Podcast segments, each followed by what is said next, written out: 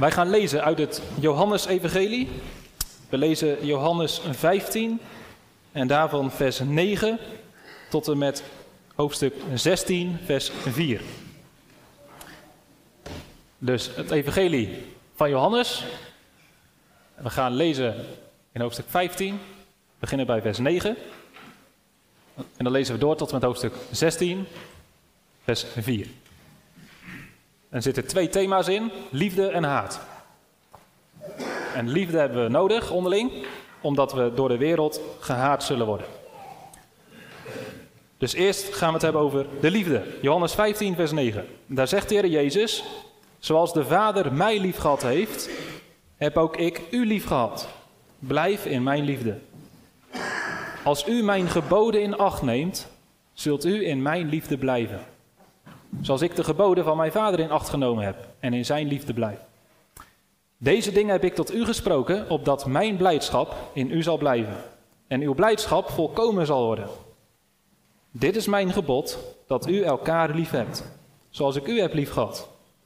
Niemand heeft een grotere liefde dan deze, namelijk dat iemand zijn leven geeft voor zijn vrienden. U bent mijn vrienden, als u doet wat ik u gebied. Ik noem u niet met dienaren, want de dienaar weet niet wat zijn heer doet. Maar ik heb u vrienden genoemd, omdat ik u alles wat ik van mijn vader gehoord heb, bekendgemaakt heb. Niet u hebt mij uitverkoren, maar ik heb u uitverkoren. En ik heb u ertoe bestemd dat u zou heen gaan en vrucht dragen. En dat uw vrucht zou blijven. Opdat wat u ook maar van de Vader vraagt in mijn naam, hij u dat geeft. Dit gebied ik u, dat u elkaar lief hebt. Als de wereld u haat, weet dat zij mij eerder dan u gehaat heeft. Als u van de wereld zou zijn, dan zou de wereld het hare lief hebben. Maar omdat u niet van de wereld bent, maar ik u uit de wereld heb uitverkoren, daarom haat de wereld u. Herinner u het woord dat ik u gezegd heb: een dienaar is niet meer dan zijn heer. Als zij mij vervolgd hebben, zullen zij ook u vervolgen. Als zij mijn woord in acht genomen hebben, zullen zij ook het uwe in acht nemen.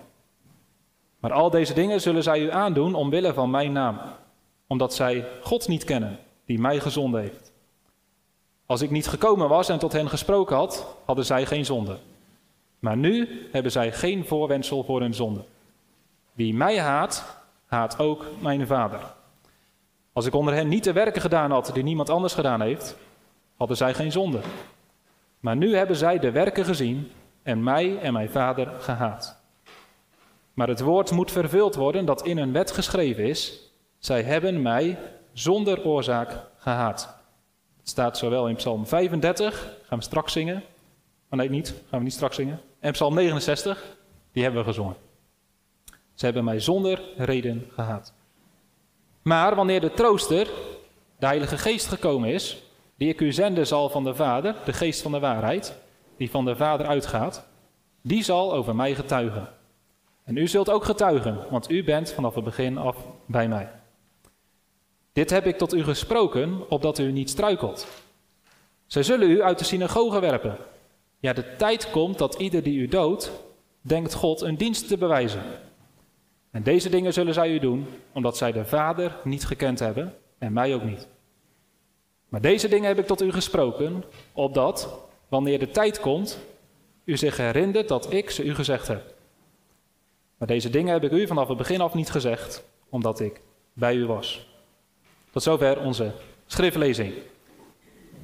Het gaat dus over de haat van de wereld naar hen die Jezus werkelijk volgen. Als je Jezus werkelijk volgt, dan zul je merken wat het betekent om door de wereld gehaat te worden. Kent u deze plaat? Ik hoop dat u deze plaat regelmatig hebt gezien. Ik heb deze namelijk van achter de kerk gepakt, van het prikbord.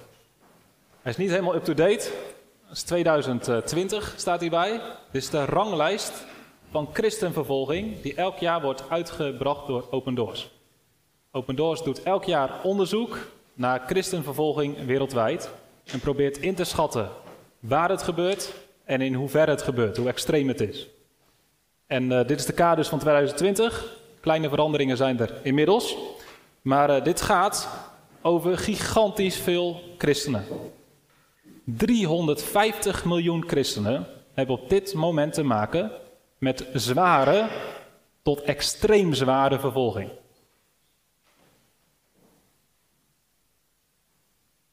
Dat is best wel wat, hè? 350 miljoen broeders en zusters worden op dit moment zwaar vervolgd. En die wonen in ongeveer 50 landen. En er zijn er ook nog ongeveer 25 landen die er niet op staan, waar het ook pittig is om christen te zijn, maar niet extreem zwaar.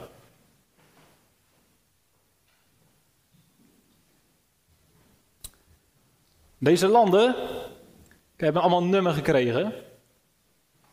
Want binnen deze landen is er ook een soort rangschikking. Op nummer 1 staat al jaren Noord-Korea. Op nummer 2 staat hier Afghanistan. Omdat daar zo gruwelijk veel christenen zijn gedood de laatste jaren, is deze plaats naar beneden gezakt. Er zijn niet zoveel christenen meer om extreem zwaar te vervolgen. Op nummer 2 staat dit jaar Somalië. En Somalië is een land waar ze willen dat iedereen moslim is. 100%. Er mag niemand, geen enkele persoon, niet moslim zijn. Vorige week vrijdag was hier iemand in de kerk, die wilde de kerk bekijken. Hanna, die komt uit Somalië, christen. Zij is de enige in heel haar clan, dat is iets wat nog groter is dan je familie. Zij is de enige die christen is. Ze heeft een vriendin die vertelde wat het betekent om in Somalië christen te zijn. Haar vader was christen geworden. Op een dag kwamen haar ooms het huis binnen. Die schoot haar vader door zijn hoofd.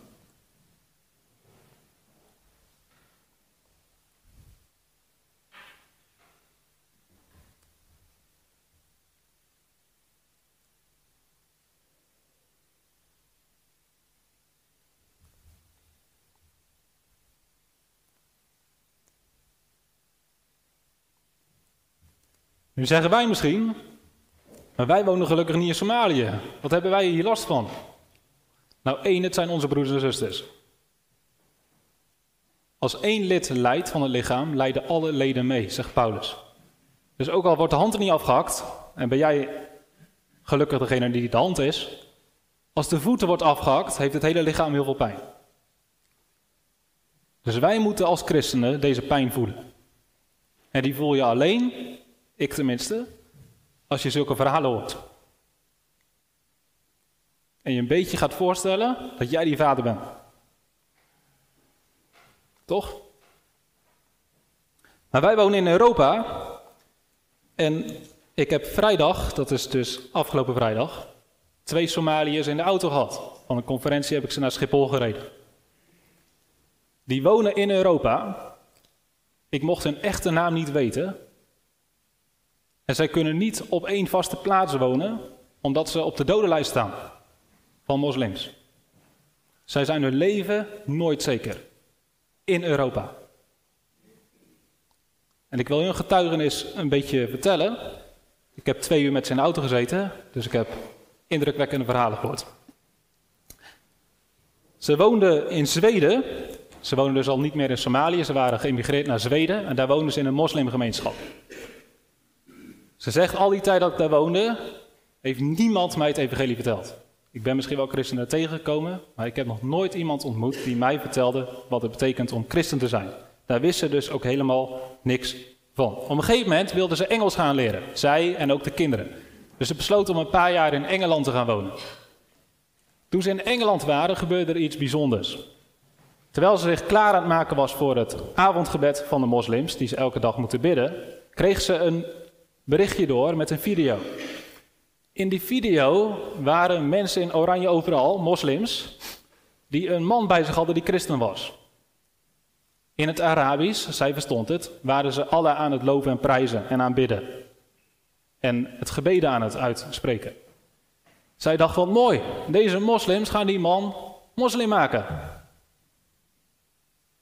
Totdat een van hen uit zijn overal een zwaard pakte en het hoofd eraf sneed van die christen en aan zijn haren vasthield en het bloed droop eruit. Ze was in shock, zei ze. Ze begon te huilen. Ze kon niet meer stoppen met huilen. In één keer, ze zegt, er was voor mij niks belangrijker dan Allah en de Koran. Dat was alles voor mij. En in één keer stortte heel mijn plaatje van Allah en de Koran in. En ze heeft geschreeuwd naar Allah en gezegd, als u Allah bent, als dit u bent, dan bent u de Satan. En ik wil niks meer met u te maken. Die nacht kreeg ze een droom. In die droom zag ze een man uit de hemel komen. En ze zag over heel de wereld heel veel mensen die allemaal op hun knieën gingen voor deze man en hem gingen aanbidden. En toen werd ze wakker. Nee, ze knielde zelf ook. En toen werd ze wakker. En ze vroeg haar man, wie was deze man? Was dat Mohammed? Nee, zegt hij, dat kan Mohammed niet zijn. Want Mohammed is naar de hemel gegaan en die komt niet meer terug. En niemand mag Mohammed aanbidden, want hij is een mens. Hij is gewoon een profeet. Alleen Allah mag je aanbidden. Oh, zegt ze, is het dan Allah geweest? Nee, want Allah zal nooit als een mens naar beneden komen. Maar wie is die man dan geweest? Die man zegt, ik heb geen idee. Die vrouw die had het gevoel dat het een antwoord was van God. Dus ze ging bidden, Heere God, laat mij zien wie deze man is. Openbaar mij, want ik weet niet wie deze man is. Laat mij het weten. De volgende nacht kreeg ze weer een droom. Ze zat aan de keukentafel met haar eigen moeder als klein meisje. En de moeder pakte de Koran en gaf die aan haar om daaruit voor te lezen. Maar in plaats dat ze ging lezen, deed ze de Koran dicht en wees ze met de vinger naar de moeder en zei ze: Ik ben de weg, de waarheid en het leven. Niemand komt tot God dan door mij. Ze had deze woorden nog nooit gehoord, nog nooit ergens gelezen. En ze zegt in de droom: Ik was perplext en mijn moeder was perplext. Wat gebeurt hier? En ze zei: Ik liep even naar de keuken om een slok water te drinken. In de droom allemaal, hè? Toen kwam ze terug en ze ging zitten. En toen zei ze: Toen gingen mijn armen automatisch in een kruis. En ik probeerde het weer zo te doen, maar dat lukte niet. Ze gingen weer terug in een kruis. En de moeder werd woest. Ze zegt: Je bent een christen geworden, je bent een afvallig. De moeder liep weg. En toen kwam die man uit de vorige droom kwam de kamer binnen. En ze voelde liefde. En ze zei, ik ging bij hem op schoot zitten alsof het mijn vader was. En ik omhelsde. En hij nam mij mee de lucht in. Steeds hoger en hoger. En toen kwam ik op een plek waar volkomen liefde voelbaar was. En waar engelen zongen. Ik was in de hemel. En die man die zei tegen mij, als jij in mij gelooft en mij volgt, dan breng ik je op deze plaats. Toen wees die man naar een andere plaats, een zwart gat. En hij zei, dat is de hel. En iedereen die niet mij volgt, gaat daar naartoe. En toen werd ze wakker, uit de droom. Ze zegt, het was alsof ik uit de hemel in mijn bed viel.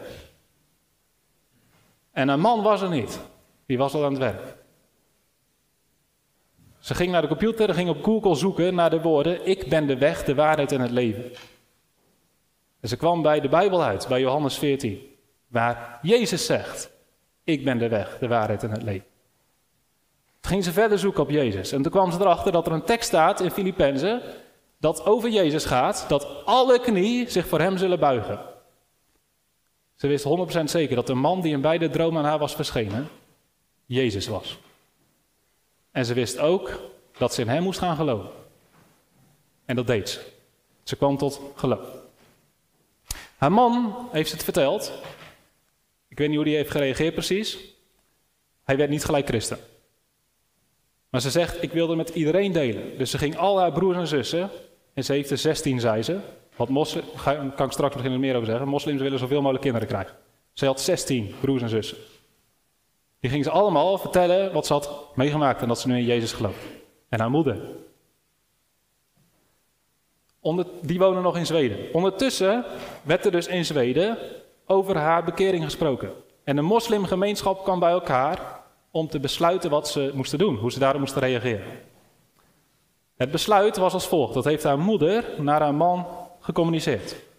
Haar moeder heeft haar man gebeld en gezegd: Je hebt twee opties.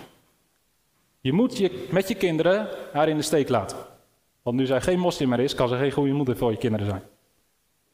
Maar er is een betere optie: dat je haar vermoordt. Dat zal je direct toegang geven naar het paradijs. Dit gebeurt in Europa. Die vrouw wist het denk ik niet en haar man wilde het niet. Dus die man die heeft gedacht, ik ga proberen terug te krijgen naar islam. Vier jaar heeft hij daarvoor nodig gehad, totdat hij zelf christen werd. Vanaf dat moment zijn ze samen, tot op deze dag, heel actief bezig om moslims te bereiken met het evangelie. Maar omdat ze dus afvallig zijn, geen moslims meer zijn, en omdat ze actief bezig zijn met het evangelie uitdelen, staan ze heel hoog op de dodenlijst. En er zijn heel veel moslims bezig met proberen hen uit te schakelen. Twee weken geleden stond er op zaterdag in het Reformatorisch Dagblad een artikel over de moslimbroederschap en hun invloed in Europa. De titel van het artikel was: De invloed van de moslimbroederschap op het Westen is groot. Hoog tijd om deze groepering serieus te nemen. En ik ga gewoon dingen noemen die in het artikel staan. De moslimbroederschap is in 1928, bijna 100 jaar geleden, in Egypte opgericht met als doel het wereldwijd vestigen, wereldwijd vestigen van door de Sharia, dat is de islamitische wetgeving, geregeerde staten. Dus waar de politiek islam is en de wetten door de moslims worden bepaald, de sharia. Dat betekent dat christenen vervolgd worden. Dat is inherent. Als je sharia-wetgeving hebt, dan betekent dat christenen in die maatschappij vervolgd worden. Dat laten al deze landen op de kaart zien. Er staan 50 landen op en je moet goed zoeken naar landen waar niet moslims degene zijn die christenen vervolgen. Overal waar moslims de meerderheid vormen, worden christenen vervolgd. En overal waar de sharia is ingevoerd, hebben christenen geen leven. En het doel van de moslimbroederschap is dus dat dat niet alleen in het Midden-Oosten zo is, of in Afrika of in Azië, maar ook in Europa. De moslimbroederschap heeft zich in de jaren 50 en 60 van de vorige eeuw wijd vertakt in Europa en de Verenigde Staten. Dit jaar is er een studie verschenen van een Franse onderzoekster. Zij legt gedetailleerd uit hoe de broeders zich in vele Europese landen en Amerikaanse staten hebben gevestigd, daar invloedrijk zijn geworden en opereren. Sinds het moment dat haar boek is uitgekomen, moet zij onder politiebescherming leven. Dit is een van de redenen waarom er zo weinig negatieve dingen worden gepubliceerd over de islam en zo weinig feiten naar buiten komen. Want iedereen die dat doet, durft te doen, is de rest van zijn leven, zijn leven niet meer zeker. NOS zal niet zo snel zulke berichten erop zetten. Dat heeft een reden. Dan word je gelijk bedreigd. Is deze beweging een gevaar voor Europa? Europese inlichtingdiensten waarschuwen al jaren voor deze organisatie. Volgens zowel deskundigen als kritische moslims die een andere vorm van de islam voorstaan, waarin de Koran niet letterlijk wordt genomen en de interpretatie wordt aangepast aan de moderne tijd, volgens deskundigen en dus kritische moslims, prediken imams, de dominees, in vele moskeeën in Europa het gedachtegoed van de moslimbroeders. Ook in talloze gematigde moskeeën krijgen moslims deze ideeën te horen. Tot zover het artikel. Ik had het artikel dus gelezen en die vrijdag daarna ontmoet ik Hanna in deze kerk. Ik heb haar de vraag gesteld in hoeverre zij denkt dat dit klopt. Dat wij in Europa inderdaad het gevaar van de moslims moeten inzien. En zij was volledig bevestigend. Zij werkt zelf in Noorwegen op een school. En die school heeft veel moslimjongeren. En ze zegt, op een gegeven moment hoorde ik regelmatig dat ze onderling over het geloof aan het praten waren. En dat ze zeiden, christenen gaan naar de hel en christenen moeten gedood worden. Ze zegt, ik heb een half jaar bijgehouden wanneer zulke opmerkingen werden gemaakt.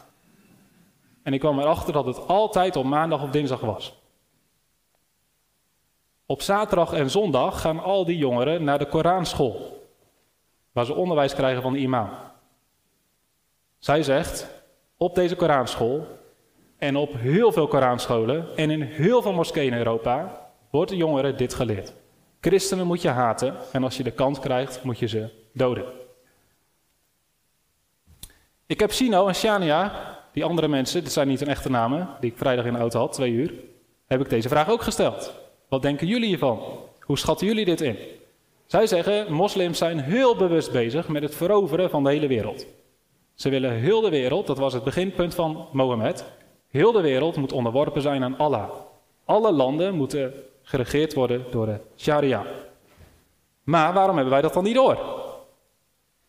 Nou zeggen zij, moslims mogen in drie situaties liegen. En een van die situaties is dat als je als moslim in de minderheid leeft en je gevraagd wordt of dit de bedoeling is van moslims, dan mag je dat ontkennen. Als je in een minderheid bent en je hebt niet de kans om te doden, dan moet je ook verbergen dat je dat wil doen of zult doen. Daarbij zeggen ze, moslims hebben twee tactieken. Zolang je in een minderheid bent, moet je als moslim zo vriendelijk mogelijk doen. Om mensen aan te trekken tot je geloof. Maar zodra je de meerderheid krijgt, moet je met geweld, alles is geoorloofd, de wetten van islam opleggen. En zeggen ze, waarom wij als christenen hier niet zo druk om maken.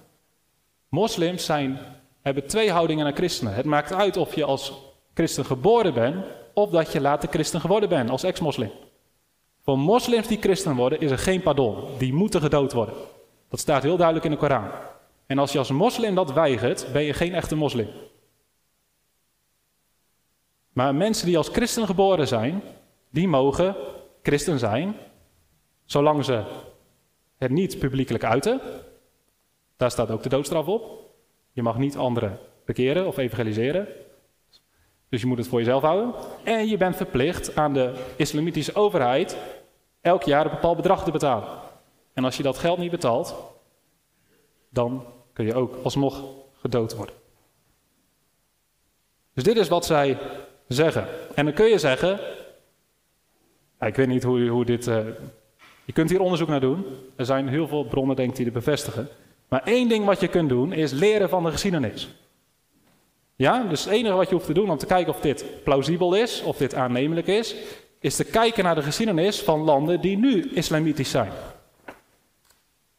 Hoe heeft Mohammed geopereerd de eerste eeuwen en zijn aanhangers? Hoe zijn al deze landen moslimlanden geworden? Hoe zijn zij hier de meerderheid geworden? Hoe zijn die moslims hier omgegaan met christenen? En het antwoord is overal hetzelfde. En de tactiek is overal hetzelfde. Dus we moeten er rekening mee houden dat in Europa en Amerika moslims dezelfde bedoeling hebben. Het is natuurlijk niet zo dat we alle moslims over één kam scheren. Dat alle moslims zo denken. Het voorbeeld van haarzelf was toen ze die onthoofding zag. Ze was geschokt. Ze had nooit gedacht dat dat onderdeel was van haar eigen geloof. Dus heel veel moslims weten dit ook niet. Of ontkennen dit of zullen dit ook bekritiseren. Maar het is ook naïef om te denken dat alle moslims gematigd zijn en liberaal en modern en de Koran niet letterlijk nemen. Het is feitelijk gewoon zo dat er een aanzienlijk deel moslims is dat wel kiest voor de letterlijke lezing van de Koran. Die wel het voorbeeld van Mohammed wil volgen, letterlijk. En die mensen zijn een gevaar voor Europa en Amerika. Nou, een goede vraag om te stellen is, hoe moeten wij hierop reageren? Wat moet onze houding zijn aan moslims? Is dit een preek om jullie allemaal vol haat en afkeer en weet ik veel te krijgen? Is dat de bedoeling? Moeten we hen haten? Moeten we bang voor ze worden? Wat is de houding die wij naar hun toe moeten innemen als je een moslim tegenkomt? De Bijbel is heel duidelijk. Alle mensen moet je lief hebben. Ongeacht hun land van herkomst, huidskleur, overtuigingen, maatschappelijke positie, waar we als mensen ook in verschillen, alle mensen moeten we lief hebben. Dus ook alle moslims. Ook hen die ons vervolgen en proberen te doden. Jezus zegt in de bergreden: Heb uw vijanden lief. Zegen hen die u vervloeken. Doe goed aan hen die u haten. Bid voor hen die u beledigen en u vervolgen. Zodat u kinderen zult zijn van uw Vader die in de hemel is. Anne van der Bel, dat is de oprichter van Open Doors, die heeft uh, heel veel contacten later nog gekregen met moslims. Die is zelfs naar terroristengroepen geweest en heeft de kans gekregen om met hen het evangelie te delen. Bij Al-Qaeda en zo, mega bijzonder. Maar die zegt voor christenen is de islam heeft de, het, uh, is een afkorting van de volgende woorden. Islam betekent voor christenen I sincerely love all Muslims. Ik houd oprecht van alle moslims. Dat moet ons hart zijn. Ongeacht hoe zij met ons omgaan. En hoe zij over ons denken. Hoe kunnen we dat praktisch maken? Hoe kunnen we hen liefhebben? Zowel Hanna als en Shania, die ik in de auto had, die hebben allebei regelmatig, herhaaldelijk in de gesprekken gevraagd om gebed. Alsjeblieft, bid voor ons. Alsjeblieft, bid voor ons land. Alsjeblieft, bid dat onze familie tot geloof komt. Bid, bid, bid, bid, bid. Ja? Ik heb beloofd dat ik dat zou doen in met de gemeente. Dat gaan we straks doen. Bidden. Want wij kunnen vaak moslims niet bereiken met het evangelie. Maar God kan het wel. Hij kan visioenen geven. Hij kan dromen geven. Hij kan alles om mensen te redden. Het tweede wat we kunnen doen om hen uh, lief te hebben, is proberen hun bekend te maken met het evangelie. Zij zeggen dat ze in Europese landen hebben geleefd en dat ze nog nooit een christen zijn tegengekomen die hun het evangelie heeft verteld. Hoe moeten moslims erachter komen dat ze niet Allah volgen, niet God, maar de duivel? Dat is trouwens misschien heel scherp, maar ik denk dat er heel veel reden is om vanuit de Bijbel te zeggen dat Allah de duivel is. In 1 Johannes 2 schrijft Johannes over de antichrist. En dan zegt hij, wie is de antichrist? Dat is degene die de zoon van God loogt. Dit is de kennen van islam. Jezus is niet de zoon van God. Dat is de geest van de antichrist, zegt Jan. Twee, hoe is de Koran ontstaan? Mohammed zegt dat hij bezoek heeft gehad van een engel. En dat een engel hem de woorden van de Koran heeft gedicteerd. Dat kunnen we geloven. Toch? Het kan vanuit de Bijbel dat er een engel op bezoek komt en dingen vertelt. Alleen als die dingen vertelt die in strijd zijn met het evangelie, dan is dat niet een engel van de goede kant. Een engel van de verkeerde kant. En Paulus zegt, de duivel kan zich voordoen als een engel van het licht. Ik vind het niet een hele gekke gedachte dat de duivel persoonlijk de Koran aan Mohammed heeft gedicteerd. En zij denken precies hetzelfde over, die ex-moslims. Ze zeggen, Allah is niet dezelfde God als de God van de Bijbel. Als je Allah volgt, dan word je gevuld met haat. Maar als je Jezus Christus volgt, dan wordt je hart gevuld met liefde. Dus wat zij nodig hebben, is het evangelie. En mensen die bereid zijn hun te vertellen dat Jezus werkelijk de Zoon van God is. Tot zover over moslims. Het is natuurlijk niet zo dat christenen alleen door moslims worden vervolgd. In India zijn het de Hindoes. In Noord-Korea zijn het volgelingen van Kim Jong-un. In de Sovjet-Unie waren het in de vorige eeuw communisten. In de tijd van de Reformatie waren het Rooms-Katholieken. In de tijd van de vroege kerk, de eerste eeuwen, waren het de Romeinse keizers. En helemaal in het begin van het Nieuw Testament waren het de Joden die christenen vervolgden. Dus het is niet één groep kunnen heel veel verschillende groepen zijn. De opsomming kan nog veel langer gemaakt worden van groepen, van godsdiensten, van religies die christenen hebben vervolgd. Wat we kunnen stellen is dat de laatste 2000 jaar christenen altijd te maken hebben gehad met verdrukking en vervolging. En als je met al die informatie Johannes 15 leest, dan klopt dit wat hier staat. Jezus heeft gezegd: Als ze mij vervolgd hebben, zullen zij ook u vervolgen. Dat is 100% waar gebleken in de afgelopen 2000 jaar. Als je Jezus volgt, dan zul je vervolgd worden. Hier zijn de apostelen ook van uitgegaan. Als zij ergens het evangelie brachten, dan probeerden ze niet het evangelie zo aantrekkelijk mogelijk voor te stellen. Als je in Jezus gelooft, dan kun je straks op vakantie, dan kun je een mooi huis kopen, dan krijg je een mooie auto, dan kun je, word je nooit meer ziek, dan word je oud. Ze hebben niet zo'n evangelie verteld. Het evangelie wat de apostelen vertelden was, als je in Jezus gelooft, dan word je vervolgd. In Handelingen 14 zeggen ze tegen de gemeente: Wij moeten door veel verdrukkingen het koninkrijk van God binnengaan. En Paulus schrijft aan Timotheus: Iedereen die godvruchtig wil leven in Christus Jezus, zal vervolgd worden. Dus dit was een basisles. Wil jij christen worden? Wil jij Jezus volgen? Houd er rekening mee, ga ervan uit, dit is de consequentie. De wereld zal je haten. Dat heeft Jezus zijn discipelen geleerd en de apostelen hebben het de christenen geleerd. Jezus leert dat de wereld een fundamentele afkeer heeft van God en mensen die bij God horen. En hoe meer wij geloven, spreken en leven zoals God het van ons vraagt, hoe duidelijker het is dat wij niet van deze wereld zijn, maar bij Gods koninkrijk horen, hoe meer wij de haat van de wereld zullen ervaren. En dat is niet alleen te verklaren uit het feit dat de wereld bestaat uit mensen die niet gered zijn, dus een verkeerd hart hebben, aversie hebben tegen God, maar dus ook omdat er nog iets veel groter speelt. Mensen zijn soms misschien helemaal niet bewust van waar ze in geloven of wat ze denken. En zijn misschien ook oprecht in hun intenties. Maar de duivel, de overste van deze wereld, misleidt mensen, verblindt mensen. En de duivel kan zelfs ervoor zorgen dat mensen vanuit liefde en vanuit oprechte intenties christenen vervolgen en doden. Jezus waarschuwt zijn discipelen voor in Johannes 16.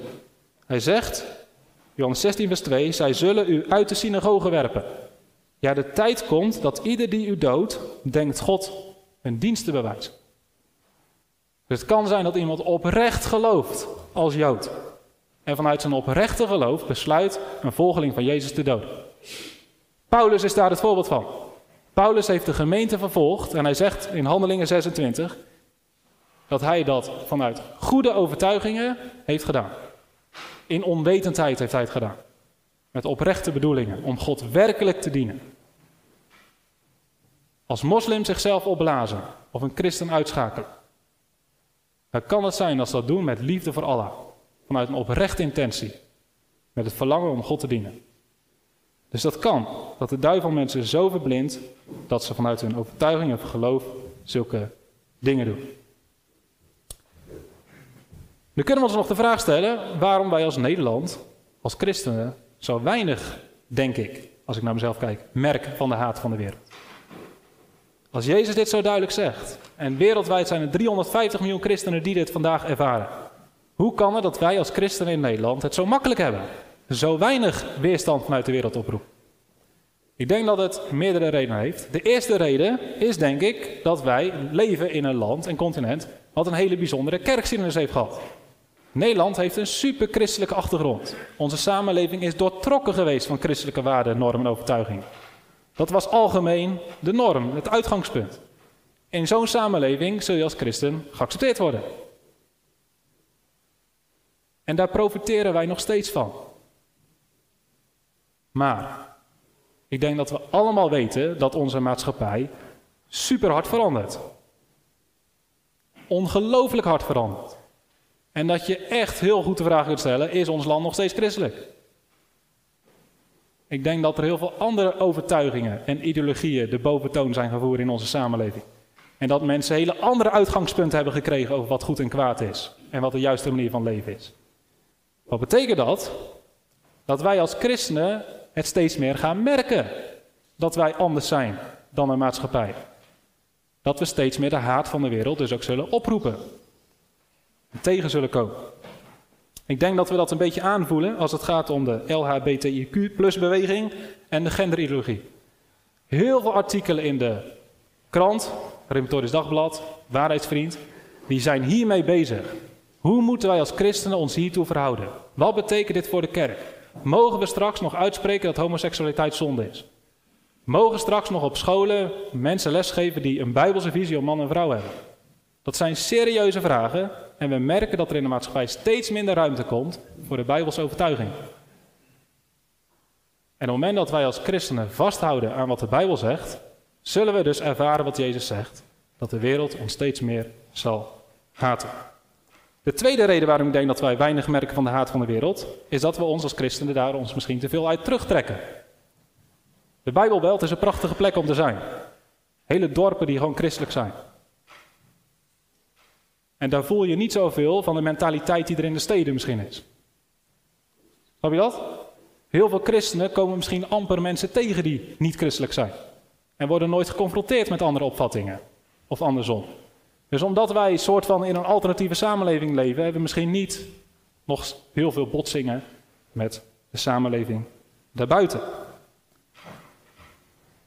Misschien zijn we ook een beetje te laf als christenen? Houden we ons te veel verborgen? Spreken we ons te weinig uit? Durven niet zoveel te zeggen over wat wij geloven en wat de Bijbel leert?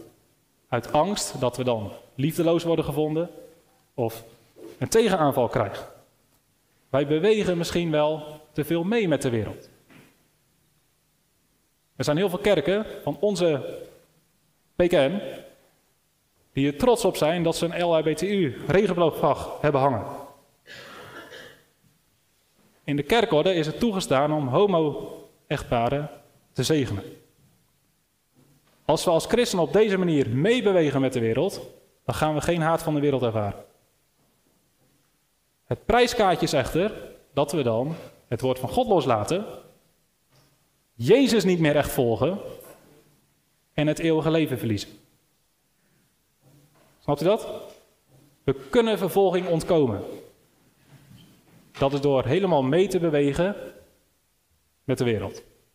En dan is de wereld tevreden. Maar op het moment dat wij vasthouden aan het woord van God en duidelijk wordt dat wij andere overtuigingen hebben en andere uitgangspunten en daarom anders denken over sommige dingen en dat wordt niet meer getolereerd, dan gaan we merken dat de wereld ons zeker ook haat. Nu weet Jezus dat wij als christenen door deze verzoeking heen zullen gaan. De verzoeking dat we er onderuit kunnen komen, dat we eraan kunnen ontsnappen aan het lijden. Jezus heeft een gelijkenis verteld in Matthäus 13 over de zaaier. En dan zegt hij, het zaad van het evangelie, het woord van God, dat valt op verschillende plaatsen. Het kan op de weg vallen, het kan onder de dorens vallen en het kan in goede grond vallen. Een van de stukken waar het valt is de steenachtige grond. En Jezus zegt daarover, bij wie op de steenachtige grond gezaaid is, dat is hij die het woord hoort en dat meteen met vreugde ontvangt. Hij heeft echter geen wortel in zichzelf. Hij is iemand van het ogenblik. Als er verdrukking of vervolging komt, omwille van het woord, struikelt hij meteen. Dus het kan zijn dat je in vrijheid christelijk bent. Maar op het moment dat je tegengas krijgt en merkt dat dat niet gewaardeerd wordt, bepaalde opvattingen, dan heb je of de keus om te lijden, of je struikelt, zegt Jezus. Je valt af. En Jezus zegt in Johannes 16, vers 1: Deze dingen, dit onderwijs geef ik jullie nu, met de bedoeling dat jullie niet struikelen. Dus het onderwijs van Jezus over vervolging hebben we nodig. Ook in tijden dat we niet vervolgd worden. Zodat als we vervolgd worden, we terug kunnen denken aan dit onderwijs van Jezus en staan er blijven. Dat we dan niet verrast zijn, dat we niet denken, oh, wat gebeurt er nu? Wij moeten toch lief en vriendelijk zijn, dus iedereen moet ons ook toch lief en vriendelijk vinden? Nee, dat zal niet gebeuren. Wij moeten zeker lief en vriendelijk zijn. Jezus was ook lief en vriendelijk. Er was niks mis met Jezus. En toch is er nooit iemand in deze wereld zo gehaat als hij. En dat was juist omdat hij goed was. Jezus zegt ook dat we uit moeten kijken voor het proberen dat alle mensen goed over ons praten. Jezus zegt in Lucas 6: Wee u wanneer alle mensen goed van u spreken. Want hun vaderen deden zo met de valse profeten. Valse profeten werden altijd geapplaudiseerd, want die zeiden precies wat alle mensen wilden horen. Jezus zegt: Zalig bent u wanneer de mensen u haten, wanneer zij u uitstoten, u smaden en uw naam als slecht verwerpen, omwille van de zoon des mensen. Verblijd u op die dag en spring op van vreugde, want zie, uw loon is groot in de hemel. En vaderen deden immers zo met de ware profeet. Dus als alle mensen die niet gered zijn je heel aardig vinden, dan is dat misschien een slecht teken. Als de wereld je haat, als mensen je bespotten omdat je Jezus wil volgen, dan moet je natuurlijk eerst kritisch in de spiegel kijken alsof je niet onterecht hebt uitgelokt. Maar vervolgens moet je ook er gewoon van uitgaan. Het kan zijn dat ik echt niks mis ben. Gewoon trouw ben geweest aan het woord van God. En dat dat de reden is dat ik gehaat word. Er is natuurlijk heel veel over te zeggen. Ik wil nog uh, met drie dingen afsluiten. Het is menselijk, natuurlijk, om haat te beantwoorden met haat. Als iemand jou slaat, is de natuurlijke reactie om terug te slaan. Daar hebben we allemaal, van nature zijn we daar gevoelig voor. Tegenover de haat van de wereld staat geen haat vanuit God. Zo lief, zegt Johannes, heeft God de wereld gehad. de wereld, dezelfde wereld, de wereld die ons haat. Zo lief heeft God de wereld gehad dat hij zijn enige geboren zoon gegeven heeft. Dus de haat van de wereld naar God beantwoordt God met liefde. En wij hebben de roeping om hetzelfde te doen. Om de liefde van God te tonen aan de wereld. En dat ging ook net in. Uh, nou, bijvoorbeeld, uh, Stefanus, hij wordt gestenigd door de Joden. Dat was de haat van de wereld. Wat zegt Stefanus? Vader, vergeef het hun. Ze weten niet wat ze doen. Als wij straks in de gevangenis zitten, of als wij straks, weet ik veel wat overkomt, dan moet dit ons gebed zijn. Vader, vergeef het hun, red hun, laat hun de waarheid kennen. Alsjeblieft, laat ze niet verloren gaan. Dat is liefde. Als dan uw vijand hongert, geef hem te eten. Als hij dorst heeft, geef hem te drinken. Word niet overwonnen door het kwaad, maar overwin het kwade door het goede.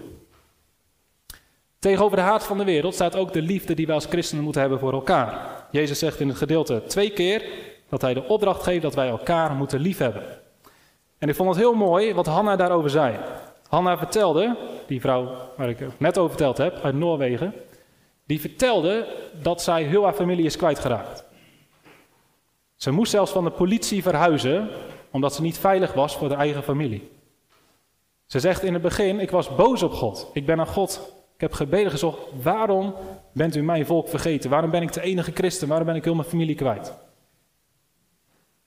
Ze zegt later ben ik naar diezelfde plek teruggegaan om sorry te zeggen tegen God. Want het is waar dat ik heel veel familie ben kwijtgeraakt. Maar het is nog veel meer waar dat ik een nieuwe familie erbij heb gekregen. Want de liefde die ik ervaar in de kerk, bij de mensen die christen zijn, die is veel groter en veel mooier dan de liefde die ik kende binnen mijn eigen familie. Dus het is belangrijk dat wij als christen onderling elkaar aanvoelen, ervaren als familie. En dat die liefde zo waardevol, zo warm is, dat we de haat van de wereld kunnen handelen. Heb elkaar lief, zegt Jezus. Juist omdat de wereld jullie zal haten. En ten derde zegt Jezus: Ik noem jullie mijn vrienden. Tegenover de haat van de wereld staat de liefde van Jezus voor ons. De wereld zal ons nooit zo lief hebben dat ze bereid zijn hun leven voor ons te geven. De wereld zal ons lief hebben als we meegaan met hun overtuigingen. Maar Jezus heeft ons zo lief dat Hij zijn leven voor ons heeft gegeven. En Jezus heeft ons zo lief dat Hij ons straks een plek geeft in de hemel. Ik weet zeker, ik heb die Somaliërs in de auto gevraagd of ze bang waren. Dat waren ze niet.